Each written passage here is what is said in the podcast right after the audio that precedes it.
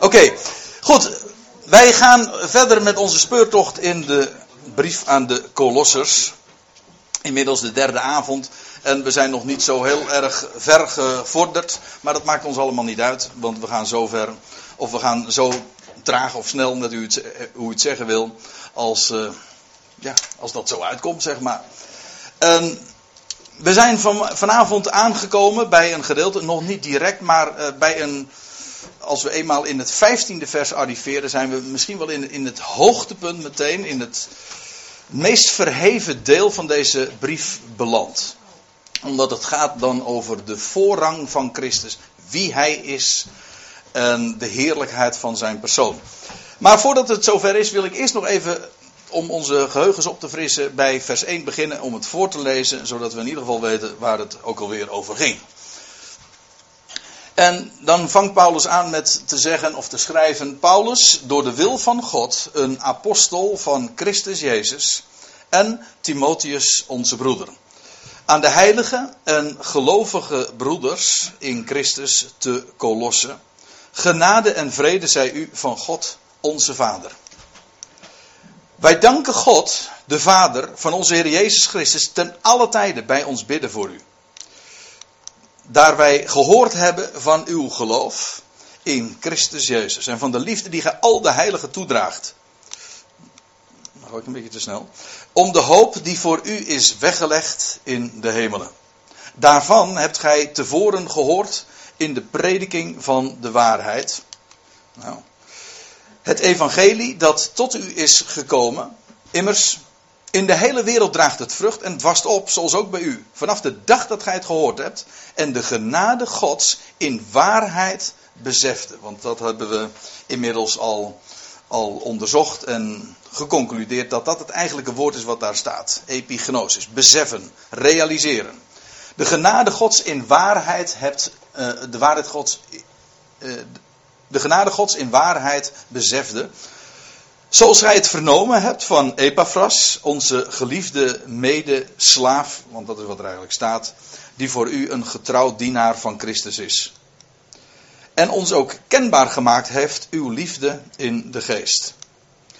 Daarom houden we ook wij vanaf de dag dat we dit gehoord hebben niet op voor u te bidden en te vragen dat gij met het besef van zijn wil vervuld mogen worden in alle wijsheid en geestelijk inzicht, om de Heer waardig te wandelen. Hem in alles te behagen, in alle goed werk vrucht te dragen en op te wassen in het besef van God.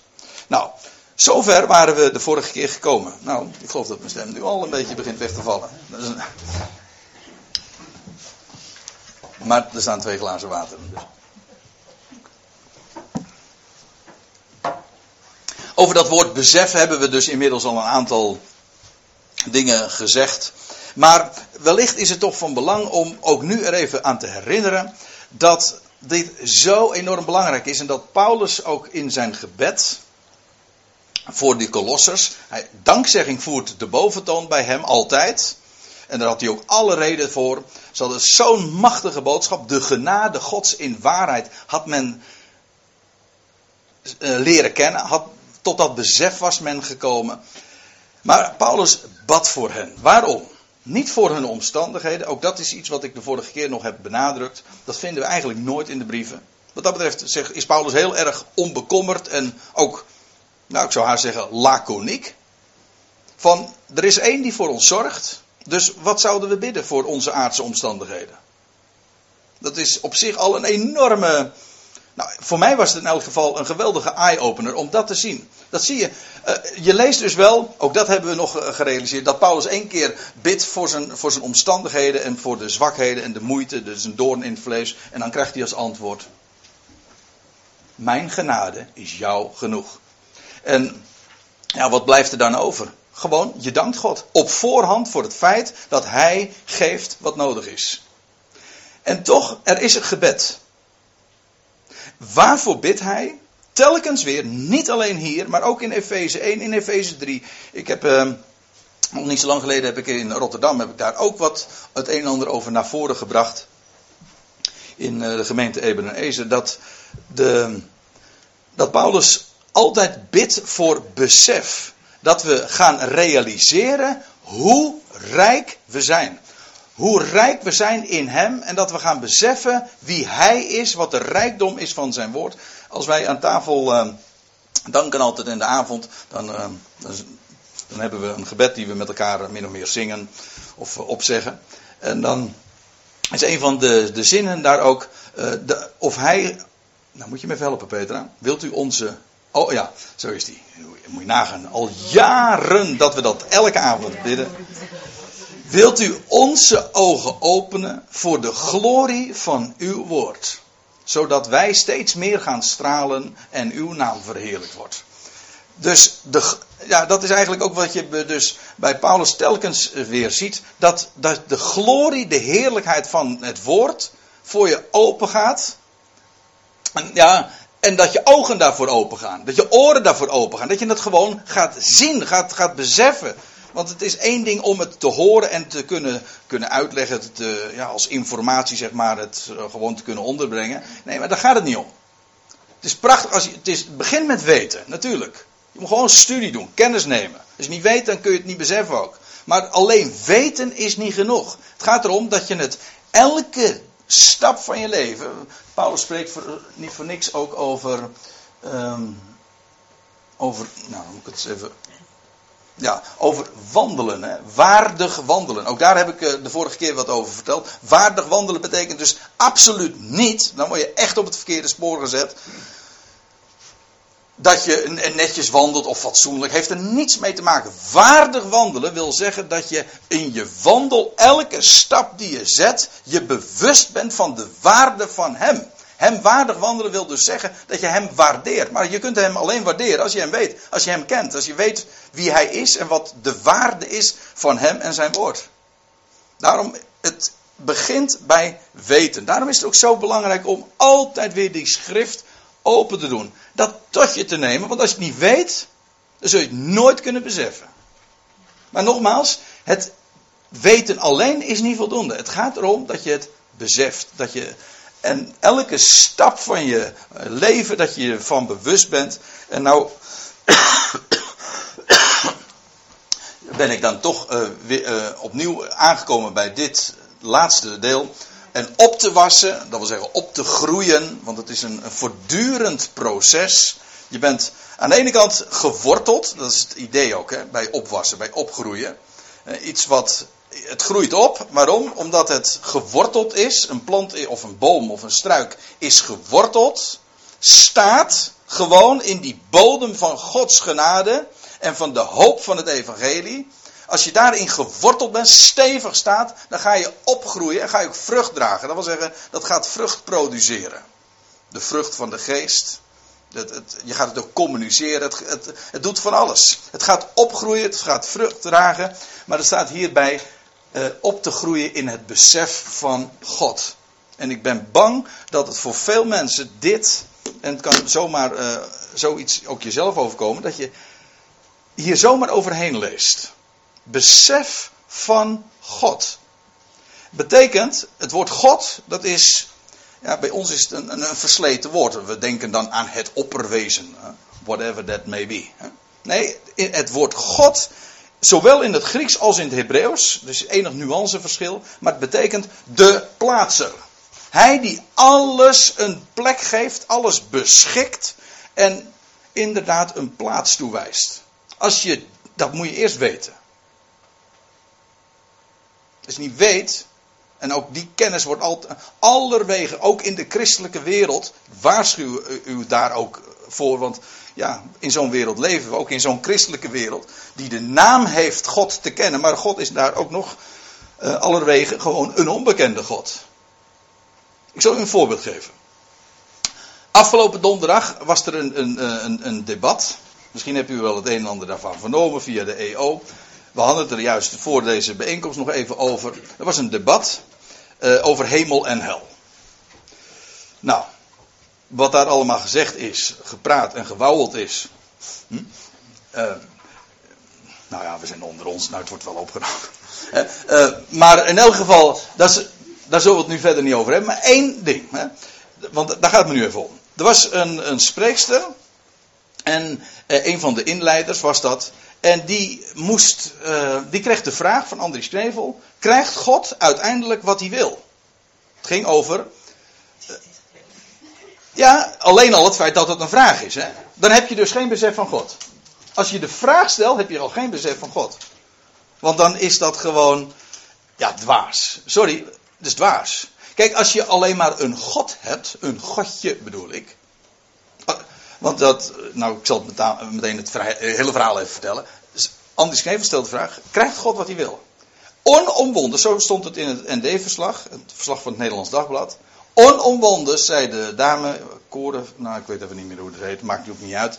Zei de predikanten: nee. Nee, zo. Nee. Waarom? De, de mens heeft een vrije wil. Met andere woorden, de mens heeft wel een vrije wil, maar God niet. Als God wil dat alle mensen gered worden, daar ging het namelijk om. God wil dat alle mensen gered worden, maar, God maar de mens wil het niet, dan gebeurt het niet. Dus dan heeft de mens, ja, waarom gebeurt het niet, zegt ze? Nou, omdat de mens een vrije wil heeft. Maar dan heeft, heeft God het dus kennelijk niet. Of is die een van de velen en dan moet hij, moet hij het spel meespelen en ja, dan trekt hij aan het kortste eind. Dan, dan, ja, dus het komt erop neer, beste mensen. God wikt, maar de mens beschikt. Dat is het idee. Krijgt God wat hij wil? Natuurlijk, daar is hij God voor. Hij is God. En in wezen, ik ben er vast van overtuigd, dit hele probleem waar vorige week en de afgelopen week is dat in de christelijke wereld erg onder de aandacht geweest. En dat, heeft ook wel weer zo zijn voordelen, want het geeft ons de gelegenheid om, daar, om het alleen maar op de, op de kandelaar te zetten. Uh, hoe de schrift daarover spreekt. Maar als je weet dat er een God is, dan heb je, dan heb je al een antwoord op de vraag. Hoe het zit met die hele kwestie, waarover men dan demonteert. Er is namelijk één God. En als Hij wil, wat zijn, want men zingt het wel hoor. Het gekke is, dat met al die dingen die ik ook voor deze Bijbelavonden en mij in het algemeen ook vanuit de schrift naar voren breng. Men kent het wel. U zegt, hm? men kent het wel. Ja, men gelooft het niet, maar ik bedoel, men ja, men beseft het niet, maar ik wou nog iets anders zeggen. Men neutraliseert het door het tegendeel tevens te beweren. Als ik zeg ja, maar ik zeg met zo, maar ik bedoel eigenlijk nee. Ja, heb je dus niks gezegd.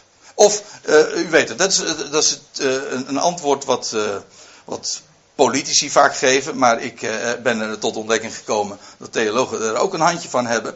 Dat als ze dan een vraag krijgen, gewoon een hele duidelijke, concrete vraag waar, je, waar, geen, uh, waar geen woord uh, het Chinees bij zit. Ik wou zeggen Grieks, maar dat is een beetje een slecht voorbeeld in dit verband. Maar dan krijgen ze een hele duidelijke vraag en dan zeggen ze ja, enerzijds, en dan zeggen ze, maar anderzijds nee. Ja, dat, dat natuurlijk, ik weet, er zijn dingen die genuanceerd liggen. Maar als het gaat over de vraag, krijgt God wat hij wil, is een hele duidelijke vraag. Zij gaf trouwens ook een duidelijk antwoord. Maar het staat natuurlijk volstrekt haaks. Maar wat ik zei, men zingt, wat zijn liefde wil bewerken, ontzegt hem zijn vermogen niet. Zo is dat. Dat is zo geweldig. Als je, dan heb je, als je dat beseft, dan heb je besef van God. Want als zijn hart wil dat elk mens, al die miljarden mensen, gered worden, dan is hij ook de redder. Daar hoef je trouwens niet voor te fantaseren, dat is geen conclusie. Ja, het is een conclusie, het is een redelijke conclusie, maar het wordt ook zwart op wit bevestigd door de schrift zelf. Paulus die schrijft in 1 Timotheus 2, God wil dat alle mensen gered worden. En twee hoofdstukken later verklaart hij, God is de redder van alle mensen. Dus je hoeft, je hoeft daar niet over te fantaseren. Het staat er gewoon. En het heeft te maken met God. Ik ben ervan van overtuigd, en dat is niet alleen in verband met dit hoor. Het geldt ook voor, voor, voor elk uh, moment in je leven dat je beseft dat er een God is. Er is er één die alles plaatst. En dat betekent dus ook dat er nooit iets misgaat. Ik heb juist vandaag nog tegen iemand gezegd, ik zal nu in, niet in details treden, maar uh, Peter zit te glimlachen. Ik heb het tegen iemand gezegd, uh, die het, uh, een, nou, een grote teleurstelling te verwerken kreeg. En toen had ik gezegd, had ik nog even ge-sms'd, ik zeg, maar vergeet niet, Er gaat nooit iets mis. Meer moest ik in dit geval uh, verband ook maar niet zeggen. Maar er gaat nooit iets mis. Waarom? Kijk, dat is besef van God. En dan kunnen er hele tragische dingen gebeuren. Dit was in dit geval niet echt tragisch, maar het was verdrietig voor de persoon in kwestie. En dan zeggen, ja, waarom? En God, weet je, daar, daar kom je niet achter. We zijn maar mensjes, we zijn maar schepseltjes. Maar ik vind het zo heerlijk dat we niet eens hoeven te weten waar. Dat we ook helemaal niet hoeven te weten waarom dingen gebeuren. Als je een God hebt, dan gaat het toch goed. Hij beschikt de dingen. En dus, maar als dat zo is, dan betekent dat dat je hem dus ook in alles kunt danken. Men heeft het over positief denken, maar het is een lege huls als je God niet als God verheerlijkt. Dat is een woord uit eh, Romeinen 1, waar Paulus daar ook over spreekt. Dus het grote probleem van het heidendom is niet dat men niet religieus is. Men is wel degelijk religieus, maar men, men kent God niet als God. Als de grote beschikker en plaatser. Die nooit mistast. En als je God als God verheerlijkt en dankt, ja, dan ga je inderdaad danken.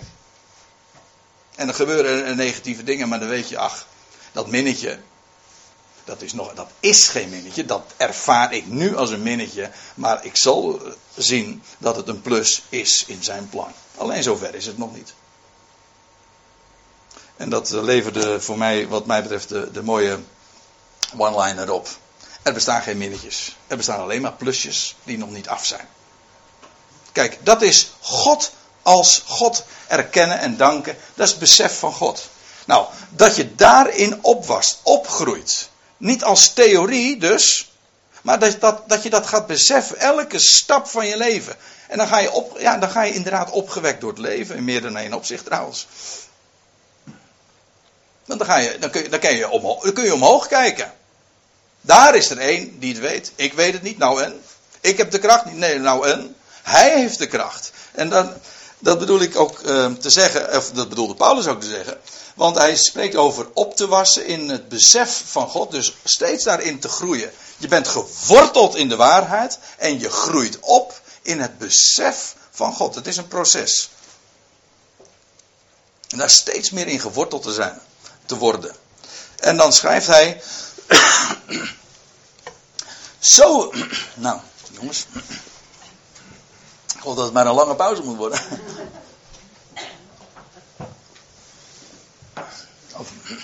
Als u een bijdrage hebt, of heeft, wat moet ik zeggen, dat uh, dan uh, van vraag, uh, wees, wees niet beschroomd of we zitten op slotverrekening met niet eens met al te veel mensen hier. Dus het hoeft helemaal geen monoloog te worden. En als ik, als, als u zat worden, zeg maar, dan, dan grijp ik als voorzitter gewoon in. Hè?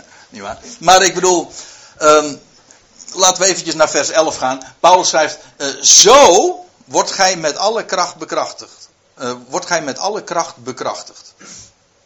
Met, eigenlijk staat er op te wassen in het besef van God, met alle kracht bekrachtigd wordend. Nou ja, als u dat een beetje te hoogdravend vindt, uh, laten we het gewoon zo staan. Zo wordt gij met alle kracht bekrachtigd. Hoe? Het, door het besef van God. Dan zul je met alle kracht, of eigenlijk staat er elke kracht, worden, uh, ja, bekrachtigd worden met elke kracht, every, met elke kracht bekrachtigd worden. Dat wil zeggen, welke kracht er ook maar nodig is, het staat je ter beschikking. Hij geeft het. En let op, het is een leidende vorm, bekrachtigd wordend. Je wordt bekrachtigd. Je, het is niet zo dat je zelf de, de spierballen uh, maakt of uh, de, de stoere bink bent. Nee, je wordt bekrachtigd. Waarin ligt de kracht? Waarin word je bekrachtigd? In het besef van God.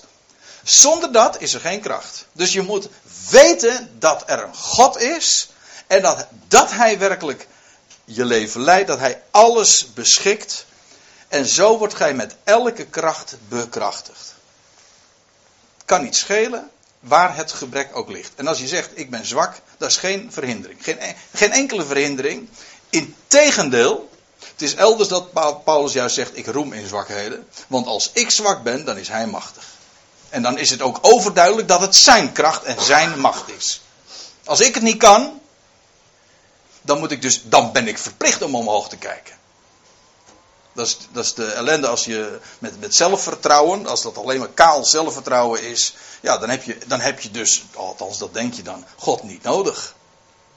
Ja, maar als je juist eh, je, eh, er is ook zo'n lied die dat zegt, hè, ik bouw op u, mijn schild en mijn verlosser, en dan, dan gaat ook zo'n couplet, uh, gelovend ga ik, eigen zwakheid voelend. Dus ook, ook dat weer beseffen. Je eigen zwakheid voelend.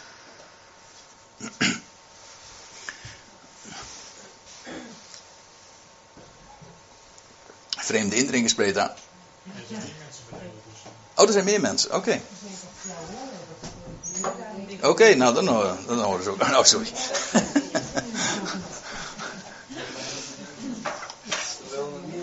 Ze willen het niet horen. Deur dicht.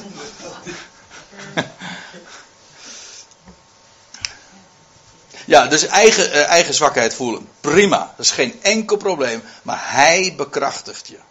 En dat, dat zul je hier in deze verse nog veel meer zien. Het is altijd die leidende vorm. Hij is degene die je kracht geeft. En dus, ook dat veronderstelt weer dat je gewoon opkijkt naar boven.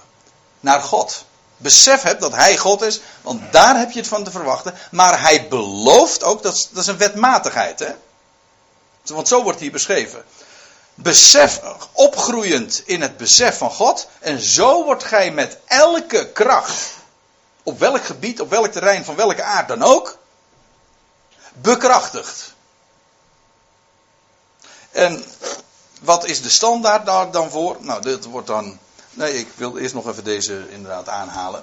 Dat is een woord uit, uit een andere gevangenisbrief, Filippenzen 4. Waar Paulus schrijft: Ik vermag alles. Hij heeft het daar trouwens over over de, de omstandigheden in het leven, armoede, rijkdom, overvloed. Hij zegt, ik weet wat overvloed is, ik weet wat gebrek is. Maar hij zegt, in, in dat alles, ik vermag al die dingen. Dat wil zeggen, ik ben in staat om dat te, te dragen, te, daar, daarin te leven. Vermag het allemaal in hem die mij kracht geeft. Het is belangrijk om de hele zin te zeggen. Want anders krijg je zo'n Emiel Ratelband uh, geloof. Hè. Dan zeg je, ik vermag alle dingen dat is misschien wel positief denken, maar het heeft geen grond. Het is namelijk ook niet waar.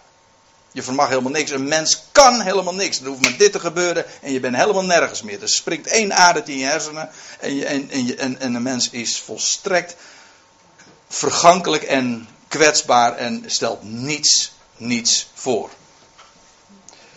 Nee, ik, maar, maar het is ook waar. Ja, vorige week kreeg ik nog van iemand een, eh, een, een mail. Die had, was al eh, op, op leeftijd. Maar had nog het een en ander meegemaakt. Maar uh, toen uh, zo over en weer wat uh, daarover gesproken, over geschreven. Dus, toen haalde ik een, een, woord aan van een broeder uit Leiden destijds. En die zei altijd, vond ik een hele mooie. Hij zegt, zolang de Heer nog wat voor mij te doen heeft, ben ik onsterfelijk. Ja, ja dat is toch zo? Ik, ik, ik, ik vermacht al die dingen in Hem die mij kracht geeft. Daar ben je gewoon van verzekerd. En dus, Paulus zegt, bid ook niet om kracht. Hè? Let op wat hier staat. Er wordt niet gebeden om kracht. Paulus is op voorhand verzekerd van die kracht. En dus dankt hij je daarvoor. En dat is een, een grote ja, ontdekking ook. Ook dat is weer iets wat je gaat beseffen in je leven. Ook dat heeft te maken met een, een, groeiproces. Maar je moet het ook horen, je moet het ook leren, je moet het onderwezen krijgen. Je moet het zelf ontdekken in de schrift. Dat, dat uh, God alles geeft. En dat wij, uh, dat is wat ik uh, even kwijt was. Maar dat het te maken heeft met het feit dat, dat God dat wij vragen om dingen die God op voorhand belooft. En dan is het heel raar om hem daarom te vragen. Als God nou zegt in, we zullen het trouwens straks nog lezen, je hebt de vergeven. En wij vragen, Heer, wilt u ons vergeven? Of God zegt, ik, ik zal in al jouw behoeften voorzien. En wij vragen, Heer, wilt u in al mijn behoeften voorzien? Het lijkt vroom, maar als u mij vraagt, is het ongeloof. Als God nou dat belooft, wat zeg je dan? Dank u wel. Zo is dat. Hij voorziet in mijn behoefte dat wat ik nodig heb aan kracht en. Maakt niet uit. In al, al jouw behoeften. Hij geeft het. En dus dank je daarvoor. En dat is wat hier ook staat. En de standaard is dit: naar de macht van zijn heerlijkheid. Dus met elke kracht bekrachtigd wordend. En dan zou je de vraag kunnen stellen: uh, ja, op welk niveau?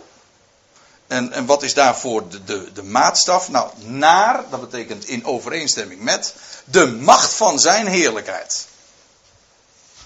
Ja, ik heb dit plaatje erbij gezet. Dat, uh, waarom? Ik had er heel veel andere plaatjes. Het, over de majestueusheid van, van de schepping. Die een uitbeelding is van de heerlijkheid van de schepper, uiteraard. Nou, de macht van zijn heerlijkheid, daar hebben we geen idee van. Wat zijn heerlijkheid is en wat zijn de macht is, het vermogen betekent dat. Het vermogen van zijn heerlijkheid. Hebben we daar idee van? Zo, kijk, in de schepping zie je daar zoveel voorbeelden van. Als, als je zulke dingen ziet, je, of, of je ziet een zonsondergang, of je ziet de kracht van, van, van het water of van, van het natuurgeweld. Daar, daar wordt een mens zo klein van. Maar ook de heerlijkheid, de enorme macht van zijn heerlijkheid. Wel, dat is de, de maatstaf waarmee God meet.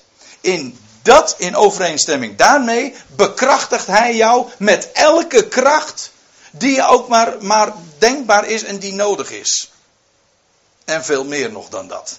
Want de Bijbel spreekt in dat verband ook over overvloed. En dat betekent dus niet alleen maar dat hij je daarmee vervult, maar dat je daar van overloopt. Meer, meer dan genoeg is dat. Hè? Zeer royaal.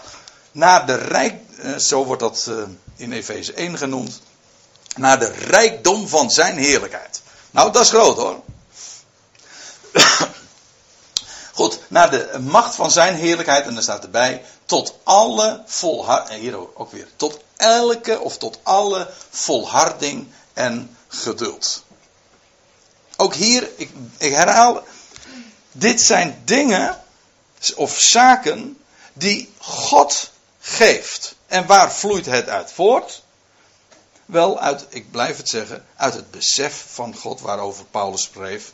En over dat besef van al die andere dingen die hij al eerder had genoemd.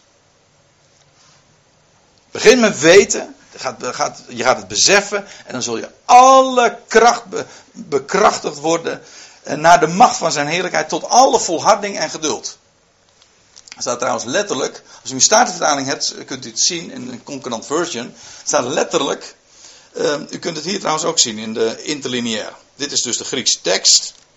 Voor degenen die dat interessant vinden. En dit is, dit is trouwens echt onwijs boeiend. Zo'n interlineair. Als u, als u wil weten hoe, dat, hoe het precies werkt, dan moet u straks maar in de pauze eventjes een andere vragen. Dat is van het ISA-programma. is geweldig, want dan zie je inderdaad hoe, eh, hoe Paulus de dingen heeft opgetekend. En hier staat dan de, de, de letterlijke vertaling. Het enige nadeel is dat je wel geacht wordt eh, Engels te kunnen. Uh, in ieder geval enigszins beheerst.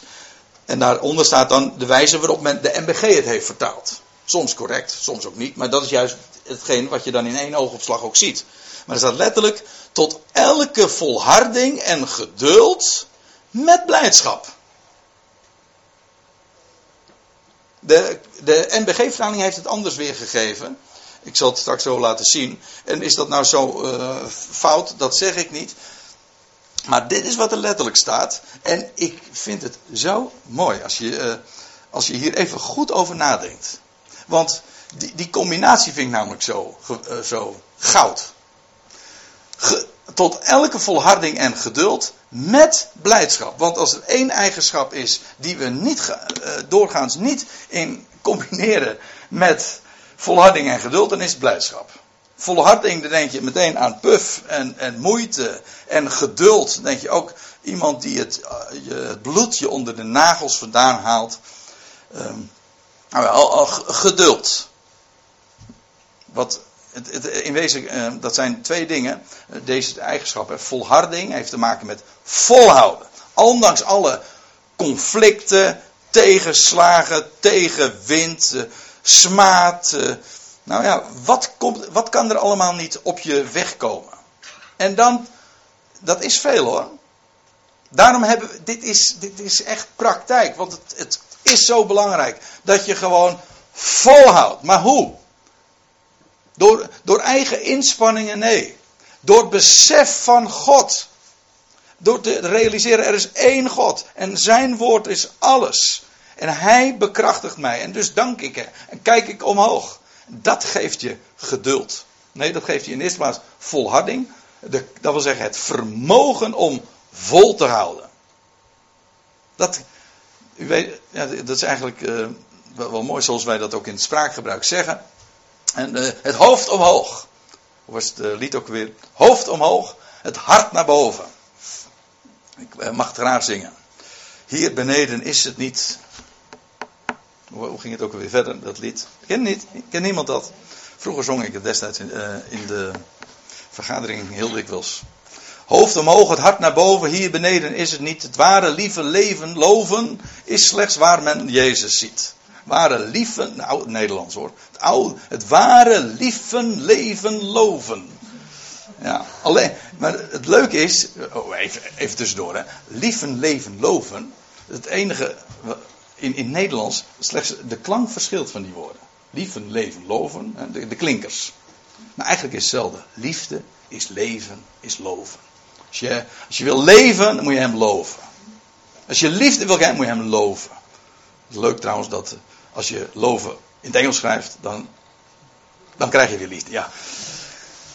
Love. Love, I love you. maar goed. Is slechts waar men Jezus, Jezus hier op, opgericht. En wij zeggen dan ook, inderdaad, van mensen die uh, ja, het kopje laten hangen. Leuk hoe dat in, in het spraakgebruik ook gewoon al geïntegreerd is. We weten allemaal dat iemand die zijn hoofd laat hangen, dat, dat, eh, dan hou je niet vol. En dat is ook niet de goede kant. Waarop je. We weten het allemaal, we weten het hoofd omhoog. Maar het probleem is, in, ja, in de huidige wereld, de meeste. God wordt ontkend of weggeredeneerd. Maar daar is inderdaad iemand. Er is één God die alles beschikt. Die krijgt wat hij wil. En als je dat weet en ook in je leven beseft, hij geeft mij elke kracht. En dat zorgt ervoor dat ik kan volhouden. En dus hoe vraag ik niet, Heer, wilt u mij de kracht geven om, om vol te houden? Je dankt hem ervoor dat hij jou bekrachtigt. En dat je volhoudt. Dat is, dat is heel andere taal. Hè? Dat, is, dat is zo opgewekt. Dat is de taal van de apostel Paulus. Dat is, dat leven uit genade. Niet vragen, hij geeft het. En dus dank je.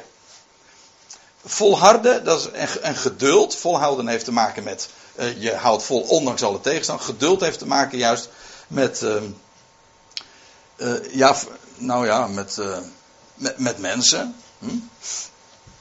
Met het, het oude Noud-Nederlandse woord, zoals de Statenvertaling dat ook weergeeft, is langmoedigheid. De moed, de, iemand zei eens een keer, het heeft te maken met, als je het etymologisch even ontleed. De, een lange moed is het. De moed, je, je gemoed wordt uitgereden, is heel flexibel. Het heeft ook iets te maken met inschikkelijk. Je schikt je. Geduld. Maar hoe dan ook, ik wil daar even op wijzen nu. Het staat met blijdschap. Kijk, en daarin kun je ook zien dat de combinatie van deze drie eigenschappen, dat komt van boven. Dat is namelijk niet wat een mens kan produceren. Een mens kan sowieso al geen vreugde produceren hoor. Je kan tegen iemand zeggen, jij moet blij zijn. Maar uh, hoe, hoe, meer je dat probeert, hoe bedroefd je wordt, want dan merk je dat het niet lukt. Dus eerst was je al, al, al niet blij. En dan word je vervolgens nog eens een keertje bedroefd omdat je blij moet zijn en je kunt het niet. Dat is dan droefheid in kwadraat. Maar goed, nee, maar waar is, waar vind je de bron van vreugde? Dat is daar. Kijk omhoog. Daar is het. Daar is er één. Een plaats, een God. Met allemaal hoofdlet, één God dus. Hij geeft je uh, volharding, geduld en bovendien gecombineerd met blijdschap, vreugde. En dat heeft ook weer te maken met, met charis. Hier, oh, u, uh, zelfs als spreek, al ken je helemaal geen letter Grieks, dan uh, zie je hier toch nog iets van charas. Hè? Vreugde, genade. Besef van genade. Dat maakt zo blij. En bovendien dankbaar. Dat verzin ik ook niet, want dat staat er namelijk meteen bij, achter. Want er staat er in de MBG-vertaling, en dankt gij met blijdschap. Dus die hebben de woordcombinatie iets omgegooid. Wat niet zo gelukkig is, maar goed, we zullen er nu niet al te moeilijk over doen. Want het maakt in de praktijk uiteindelijk niet zoveel verschil. Volharding, geduld, met blijdschap, danken wij. Zo. En dus je hebt vreugde. En omdat je besef hebt van, van genade, ga je danken. Dat gaat hand in hand. Ik, ik durf te zeggen dat het besef van genade evenredig is met de dankbaarheid. Of eigenlijk moet ik het omkeren. De dankbaarheid is evenredig met je besef van genade. Op het moment dat het besef van genade minder wordt, ga je, gaat de dankzegging ook verslappen. Daarom is het zo belangrijk om te weten wie hij is en wat hij geeft, puur om niet. En danken wij met blijdschap, want we vinden dat hier trouwens ook hoor. Uh, dank gij met blijdschap de Vader, uh, die, uh, die u toebereid heeft. Nou, moet ik even iets corrigeren. Het lijkt een kleinigheid en toch vind ik het van groot belang. dit staat in, in een Griekse grammaticale vorm, dat is de aorist. A betekent zonder en orist, u, je herkent daar het woordje horizon nog in zonder horizon. En aorist, dat betekent eigenlijk, je hebt, wij hebben in, in het Nederlands allemaal verschillende tijdsvormen, verleden tijd, tegenwoordigheid, toekomende tijd. De Grieks heeft nog een tijds, of nee, een, een grammaticale vorm. Dat wil ze eigenlijk zeggen, zonder tijd, zonder idee van tijd. Dan gaat het puur om het feit. Ongeacht wanneer. Dat is de aorist. Nou, die, in de NBG, in de meeste vertalingen geeft men dat weer met de voltooid tegenwoordige tijd, om het zo te zeggen. Als u dat uh, te moeilijk vindt, dan uh, vergeet u dat gewoon weer. Maar dat, dat, betekent in dit verband die u toebereid heeft. Maar dat, dat is niet wat er staat. Er staat gewoon die u toebereidt. Of letterlijk staat er die u geschikt maakt. Niet die u geschikt gemaakt heeft. Het gaat, gewoon, het gaat namelijk om het feit. Niet wanneer het gebeurt. Het, is, het feit wordt gesteld. Hij maakt bereid of hij maakt geschikt. Het feit wordt gesteld. Ongeacht wanneer. Het is namelijk, dit is ook weer zo'n tijdloos. Want hij deed dat, hij doet dat, hij zal het doen. Het feit wordt gesteld. En die, die, dat is, een, reden om God te danken, om de Vader te danken. Met blijdschap. Want Hij is degene die ons toebereidt, die ons geschikt maakt voor het erfdeel van de heiligen in het licht. En ook hier zie je weer het is, al, het is gewoon pure genade. Ook hier dus weer alle reden om omhoog te kijken, want hij doet het. En aangezien hij het doet, kijken we omhoog.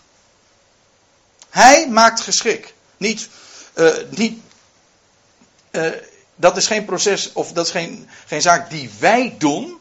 Wij maken ons niet geschikt. Dat is allemaal eigen werk.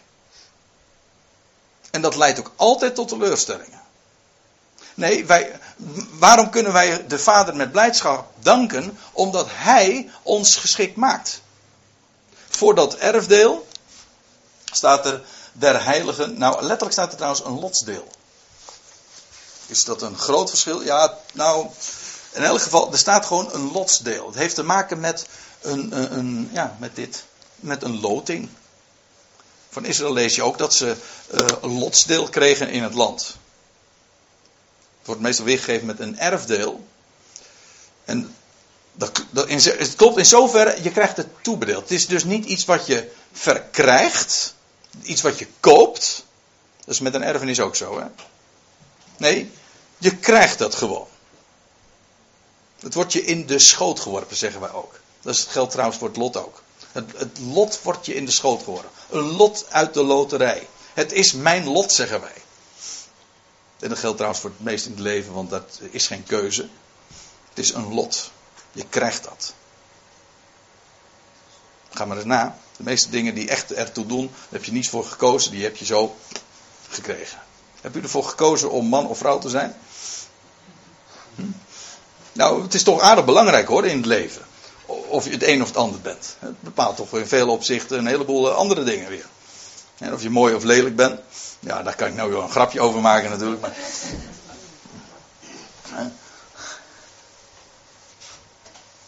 Ja, nou. Ja, ja ik geloof nee, dat ik deze opmerking echt moet inslikken. Ja. ja, ik spoel hem weg, ja.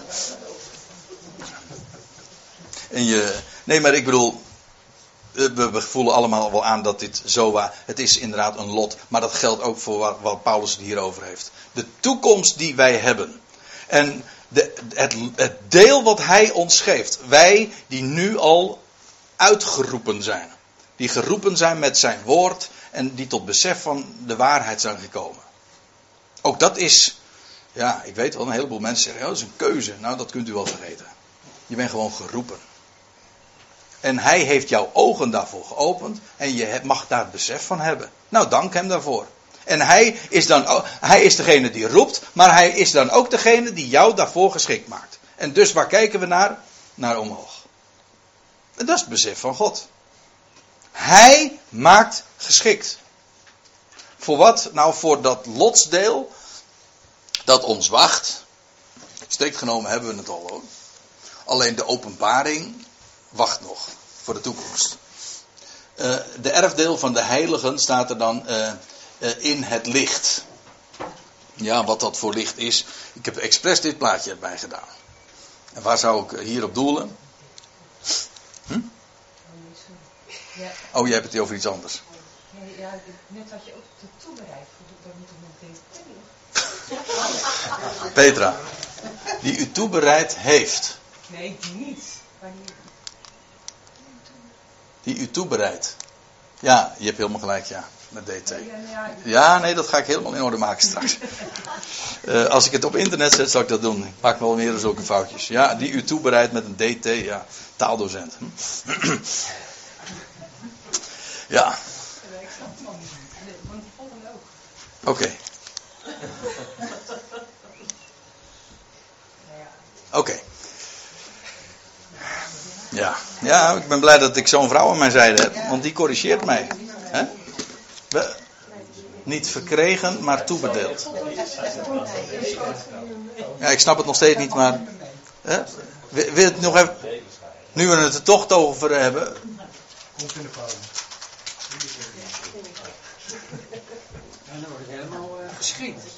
Ja. Nee, ik, ik, ik ben, laat ik u dit zeggen. Ik ben u dankbaar dat u mij eh, kritisch volgt. Uh, ik vind dit uh, niet het uh, meest gewichtige. Maar goed. Ja, laten we, laten, we daar, laten we daar vooral over hebben. Ja.